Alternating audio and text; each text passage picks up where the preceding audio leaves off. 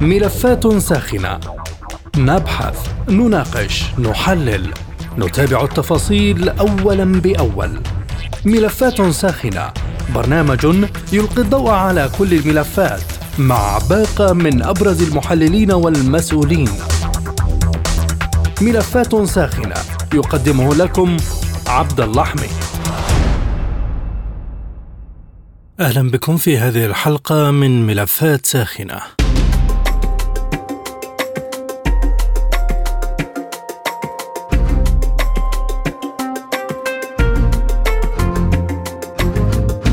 بعد اقتحام الجيش الإسرائيلي لمجمع الشفاء الطبي في قطاع غزة وعدم إثبات روايته بوجود حركة حماس فيه واتخاذ المقاومة أسفل مبانيه مركزا عملياتيا لها تزايدت ردة الفعل الدولية على تل أبيب. فرنسا أعربت عن قلقها وأكدت خارجيتها أنه لا يجوز استخدام البنية التحتية المدنية لأغراض عسكرية مشددة على ضرورة الامتثال للقانون الإنساني الدولي. رئيس الوزراء الإسباني دعا إسرائيل إلى وضع حد للقتل الأعمى للفلسطينيين في غزة مطالبا بوقف فوري لإطلاق النار والالتزام بالقانون الدولي الإنساني.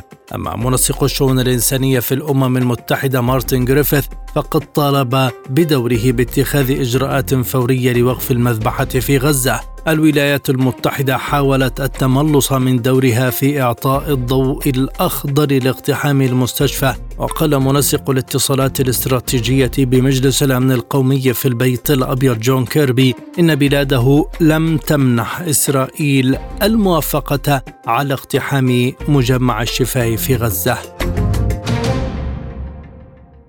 في هذا الملف ينضم إلينا من القاهرة الكاتب الصحفي الأستاذ جمال فهمي. أهلا بك سيدي الكريم. بداية ماذا يعني فشل إسرائيل في روايتها بأن مستشفى الشفاء يضم مركز عمليات المقاومة الفلسطينية؟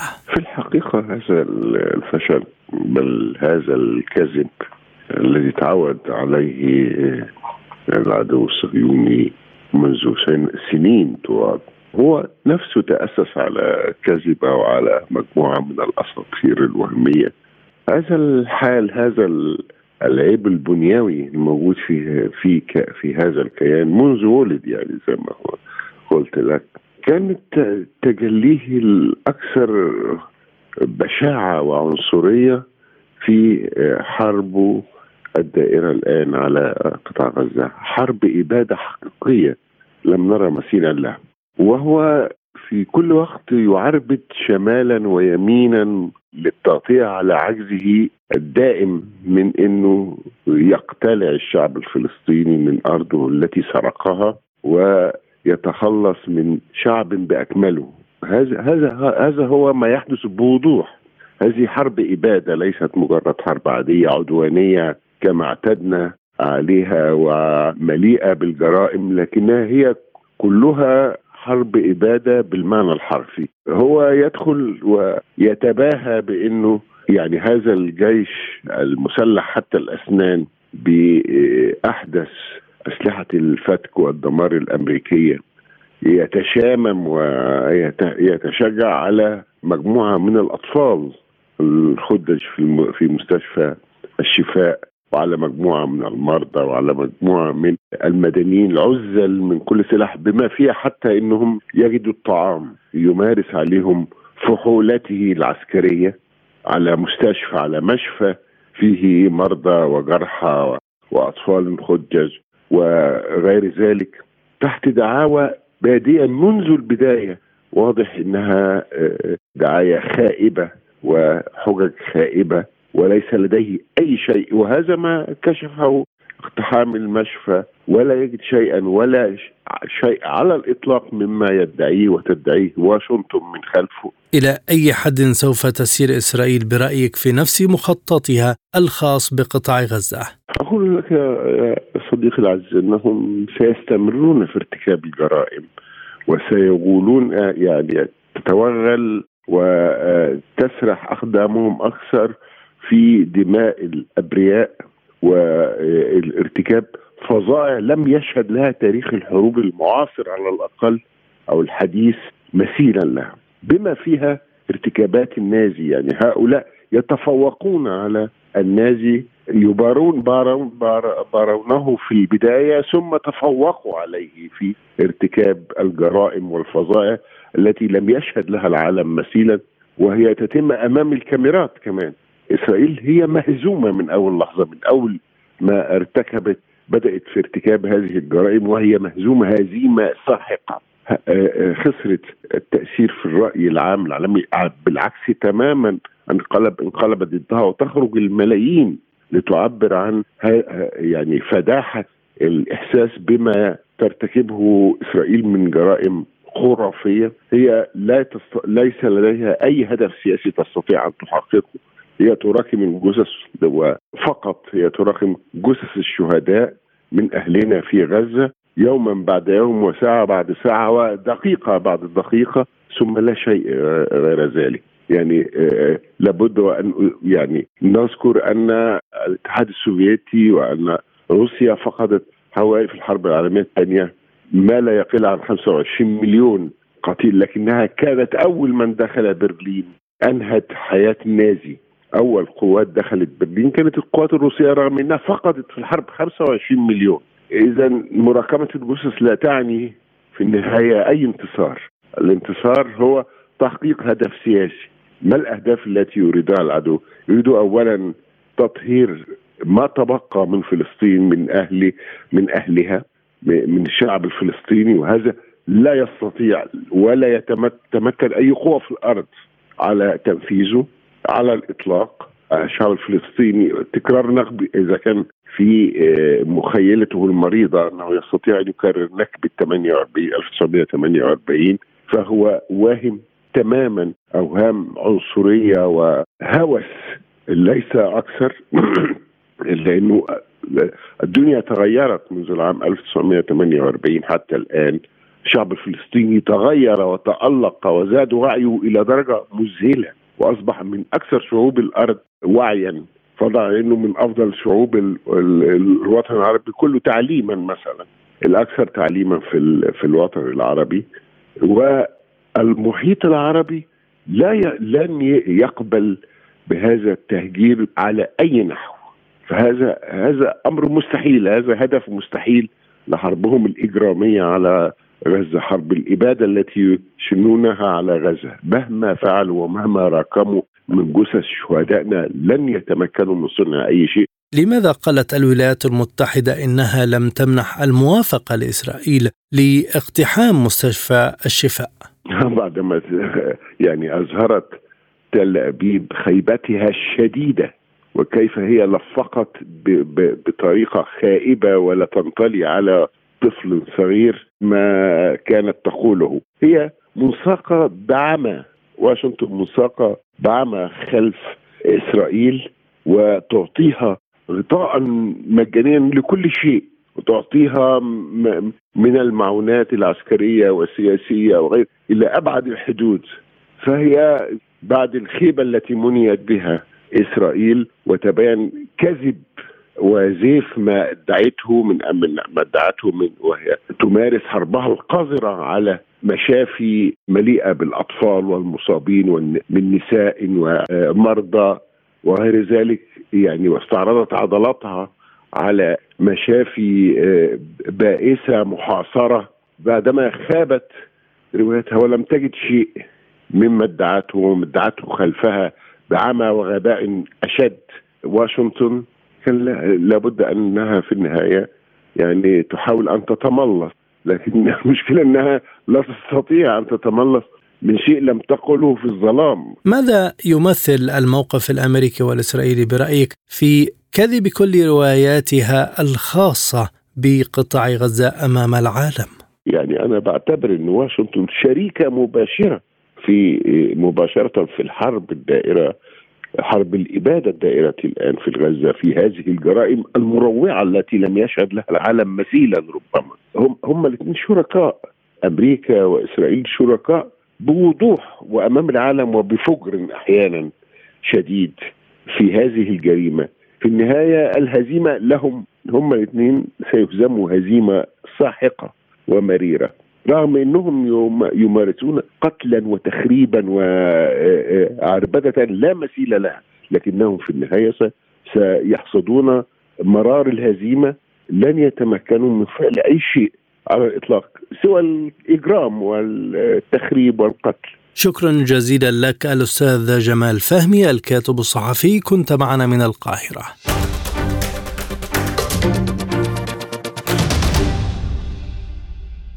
من رام الله ينضم إلينا أستاذ العلوم السياسية الدكتور أمجد أبو العز. أهلا بك دكتور. ماذا بعد اقتحام الجيش الإسرائيلي لمجمع الشفاء الطبي؟ يعني أعتقد أنه إسرائيل من خلال سياستها حاولت إنها توصل لرمز كانت تعتبره هي من رموز السيطرة والتحكم لدى قيادة حماس.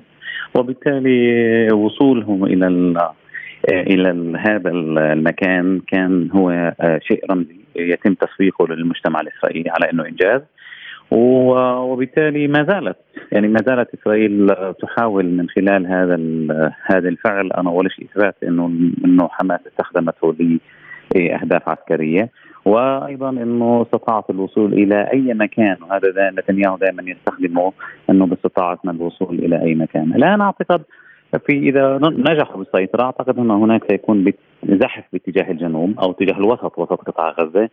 بيض أيضا من في جهود البحث عن المخطوفين أو الأسرى آه اللي موجودين عند حركة حماس.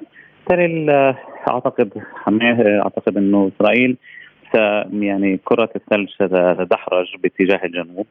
آه وأيضا البحث عن شيء جديد تستطيع تسويقه للمجتمع الإسرائيلي.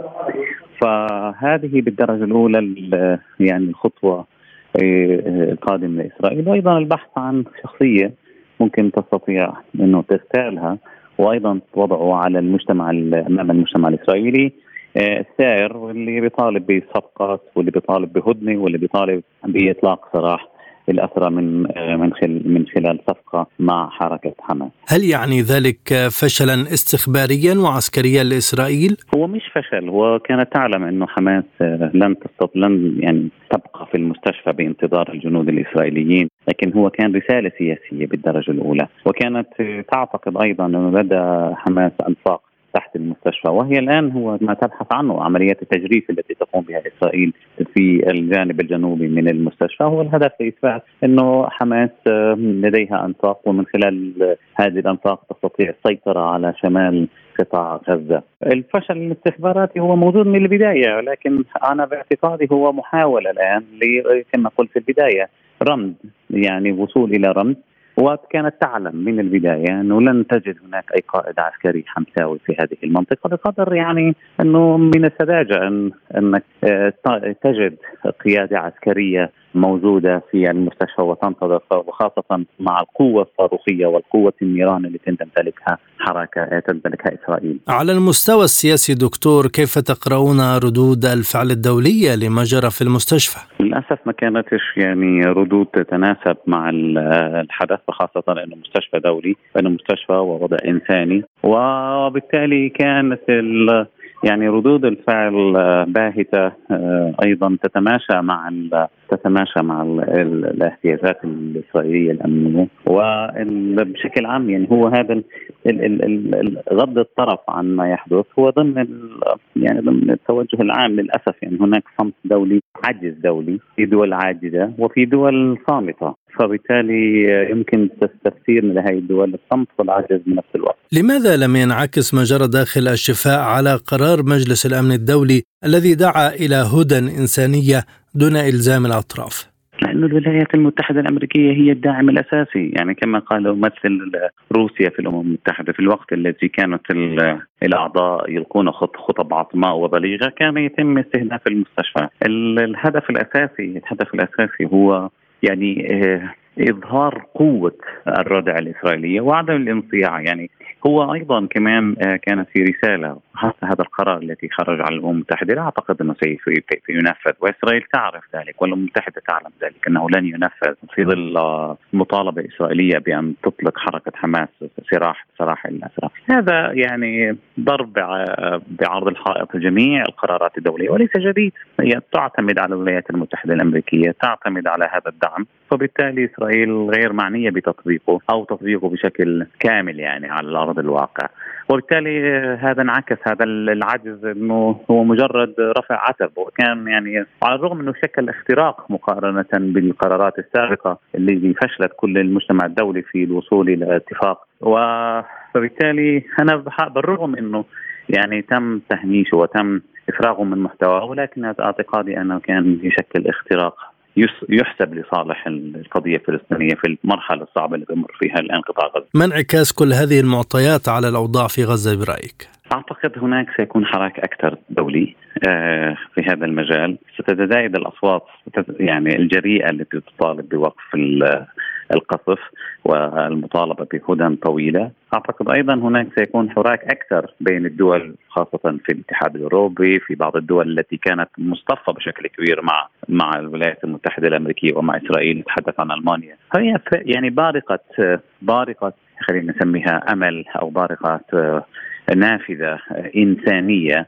وأعتقد أنه كان في هناك ذكاء بشكل جيد من من المندوب المالطيه انها تدخلت من البوابة الإنسانية بوابة الأطفال وتجنبت الحديث عن قضية إدانة سواء حماس أو إدانة إسرائيل أو التحدث على تعريف الإرهاب أو يعني إلقاء اللوم أو تعريفات وبالتالي كانت هذه وصول الدول مجلس الدول الأعضاء وصولهم إلى قناعة إنه استمرار القصف واستمرار الضحايا والصور سيضعهم أمام موقف محرج أمام حكوماتهم خاصة بريطانيا والولايات المتحدة. هذا اللي دفعهم إنه التصويت لتصويت يعني عدم التصويت والسماح للقرار بالمرور. أعتقد هناك سيكون تداعيات. قضية الدولة الفلسطينية أصبحت شيء لا لا مفر منه. حقيقة واقعة. إسبانيا ستقوم بخلال الفترة القادمة بهذا الموضوع. الاعتراف بالدولة الفلسطينية أعتقد الاتحاد الأوروبي سيغير مواقفه. سيكون هناك تطبيق أكثر على أرض الواقع. وكما يقال أن الولايات المتحدة الأمريكية أيضا تسعى إلى فرض هذا الخيار على إسرائيل ورفض كل الاعتبارات التي يعني الآن موجودة في آه، على الطاولة سواء عودة السلطة أو عودة الأردن أو مصر أو كل هذه الخيارات، لكن أعتقد حل الدولتين ما زال الآن هو خيار قائم مدعوم امريكيا واوروبيا بالإضافة إلى الفلسطينيه. لماذا تنصلت واشنطن اذا من موافقتها على اقتحام إسرائيل لمجمع الشفاء الطبي؟ شوف القضية في هناك خلينا نسميها آه، خلافات جوهرية وفي خلافات تكتيكية يعني في هناك تحالف استراتيجي ما بين إسرائيل وما بين الولايات المتحدة الأمريكية. لن تتخلى الولايات المتحدة الأمريكية عن إسرائيل لأنه هو مشروع بالدرجة الأولى. يعني هزيمة إسرائيل أو موضع تراجع مكانتها هو يعني بطريقة هي تراجع على الدور الأمريكي. هي واحد. اثنين الولايات المتحدة الأمريكية تدرك حجم الضغوطات وحجم التحديات الأمنية التي تواجه إسرائيل وبالتالي هي تدفع باتجاه حضورها في هذا في المحافل العسكرية الإسرائيلية في مجلس الحرب، حضورها في الدائم في إسرائيل والمسؤولين الأمريكان وهذا مؤشر أنها تدرك هي تدرك حجم المخاطر التي تواجه إسرائيل وبالتالي تحاول مساعدتها بطريقه بطريقتها الخاصة يعني كبح جماح نتنياهو الذي يحاول بقدر الإمكان جر المنطقة إلى حرب إقليمية لبقاء استمراره بالسلطه والاستفادة من الدعم الموجود سواء بريطانيا وفرنسا وألمانيا وكل هذه الدول من أجل القضاء على شرعية المقاومة الفلسطينية، هذا يعني ضد التوجهات الأمريكية، أمريكا بتحاول ضبط الأمور، عدم الخروج إلى السيطرة، هذا الخلاف يعني أنا بعتقد خلاف استراتيجي كبير ولكن خلاف على المدنيين قتل المدنيين الخلاف حول الهدنة الخلاف حول المستشفيات هذا أنا أعتقد خلاف تكتيكي يعني ممكن آه، لإلهاء الرأي العام فيه لتجنب آه، يعني الوصمة كل هذه الأمور لأن الولايات المتحدة الأمريكية أصبحت في موقف محرج يعني لا تحسد عليها أمام حلفائها أمام الراي العام الدولي كونها هي اللي داعمة بشكل كبير لإسرائيل، فبالتالي هي محاولة أيضا للتنصل من هذه التنصل من هذه السياسات التي آه، يعني ستساهم بشكل كبير في تراجع مكانه الولايات المتحدة الأمريكية في الأوساط في الشرق الأوسط. في أوساط الشباب الفلسطينيين العرب في بشكل عام. شكرا جزيلا لك الدكتور أمجد أبو العز أستاذ العلوم السياسية كنت معنا من رام الله.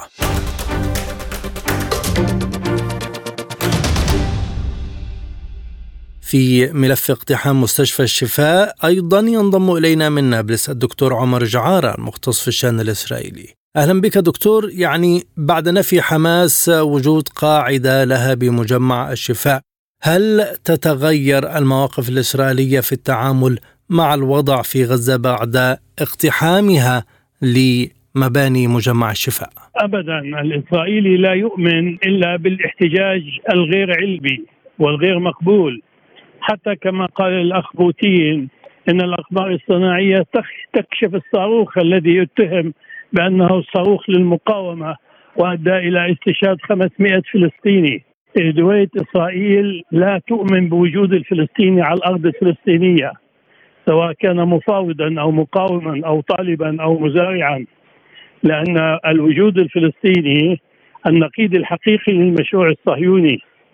ولذلك كافة الحجج التي تتضرع بها إسرائيل فيما يتعلق بكل المواقع التي قصفت بهذا القصف النازي الهمجي هي آه، يعني هي أمام كل عيون العالم لا مبرر له. الآن أنت تتكلم من 30 إلى 40 في من 30 إلى 40% من حجم البناء في قطاع غزة قد دمر بما فيه المساجد وما فيه المدارس وما فيه المستشفيات وما فيه البيوت وما فيه كل شيء.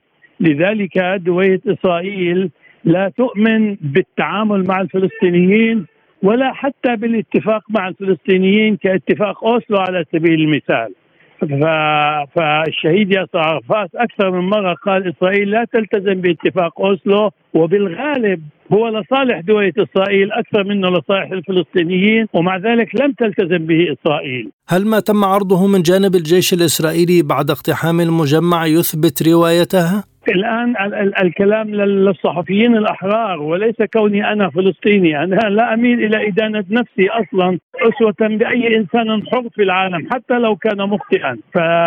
فالشهامة والصدق والأمانة قليلة عند الآخرين وبالذات وقت الحروب. الآن ما الذي ما الذي أعلنه في في شريطه في مجمع الشفاء؟ اولا الغرفة هي غرفة رنين مغناطيسي. وهي من أعلى وهي من أعلى الاشعاعات الخاصة بان تشكل ضررا على أن أن يجلس بالقرب منها فما بالك ينام ويأكل ويشرب في هذه الغرفة التي هي أصلا غرفة غرفة تصوير غرفة رنين مغناطيسي ثانيا بنادق الكلانشيكوف هل هي قليلة في في مخازن دوية إسرائيل؟ ابدا ابدا لا. وهي غنمت من البنادق الكلاشينكوف في حرب 56 وفي حرب 67 حدث ولا حرج. لذلك تظهر بندقيتين وكيسين وتظهر باغتين إيه، مخازن للرصاص بقلب المستشفى. وافترض إنه هذه المستشفى لجأ إليها بعض المقاتلين.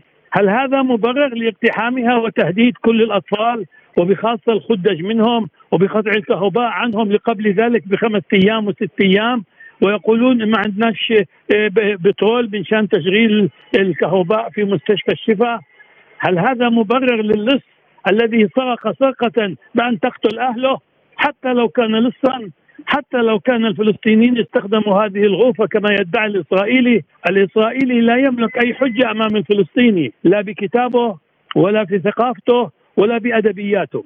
لذلك دوية إسرائيل أمام الفلسطيني مع العدو الحقيقي للكيان في دوية إسرائيل. فقد سوت أمرها مع مصر وسوت أمرها مع الأردن وسوت أمرها مع سوريا وسوت أمرها أينما تواجدت. لكن مع الفلسطيني لا تقبل. لأن الفلسطيني مخرب عندهم منذ أربعة ألاف عام ولذلك لا تقبل بأي حجة للفلسطينيين بأي شكل من الأشكال. الآن نذهب إلى الصورة التي في في في مستشفى رمسيسي وهي نفس النهج، والآن الكذب بالإعلام وقت الحروب جائز والشاطر أن يروج كذبة يقبلها الآخر. الآن كيف دخل الدراجة النارية؟ كيف دخلت إلى هذا القبو؟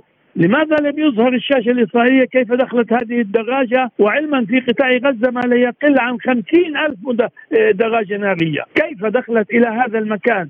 أظهروا بأنه قبو. أظهروا بأنه مثل مثل مثل النزول بأماكن الأسانسيرات في العمارات. واظهروا الدرج لماذا؟ كيف سيدخل هذا المطور إلى هذا المكان؟ ثم اظهروا كيس من الفوط للاطفال. جديد وغير مفتوح. دقق بالصورة ضعها أمامك وأنا أتكلم معك الآن.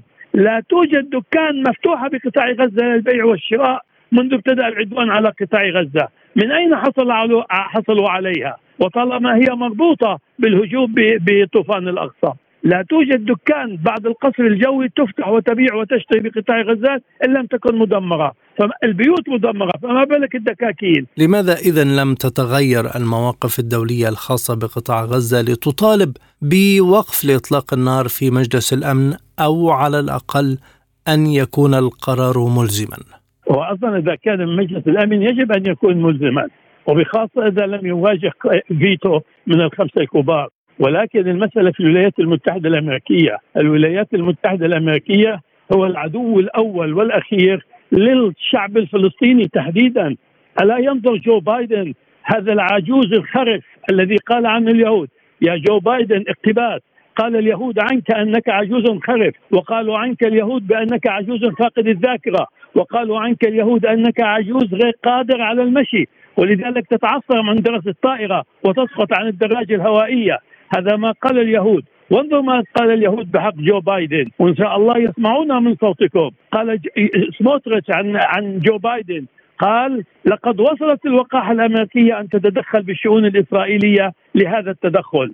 انظر ماذا يقول عن الأمريكان. وهم بدون الأمريكان لا وجود لهم في الشرق الأوسط. وبدون الأمريكان لا وجود لهم كيان في الشرق الأوسط. ويقول الإسرائيلي الآن اقتباس إن الخطر الوحيد على سير هذه المعركة بوجهة الإسرائيلي هو نفاذ الصبر الأمريكي. فإذا نفذ فإذا نفذ الصبر الأمريكي لا تملك دوية إسرائيل من أمرها شيئا. ولذلك هذا الأمريكي ألا يرى ألا يرى أصوات كثير من أحرار اليهود في أمريكا ومن أحرار المواطنين الأمريكيين والمقيمين في الولايات الأمريكية يتظاهرون بالشوارع ضد هذا القتل لهذا الأطفال لقد وصل عدد شهدائنا من الأطفال ليس ليس بكاء وليس استجداء للعالم وليس أن نظهر نفسنا بقمة الضعف. لا لوصل أكثر من أربعة آلاف طفلا شهيد وبالطائرات وبقنابل بوزن الألف كيلو. ولذلك دوية إسرائيل لا يمكن أن تكون دولة في الشرق الأوسط لأنها لا تريد أن تكون دولة. دكتور كيف يمكن تفسير استمرار إطلاق الفصائل للصواريخ على إسرائيل حتى الآن؟ رغم دخول الجيش الإسرائيلي لغزة.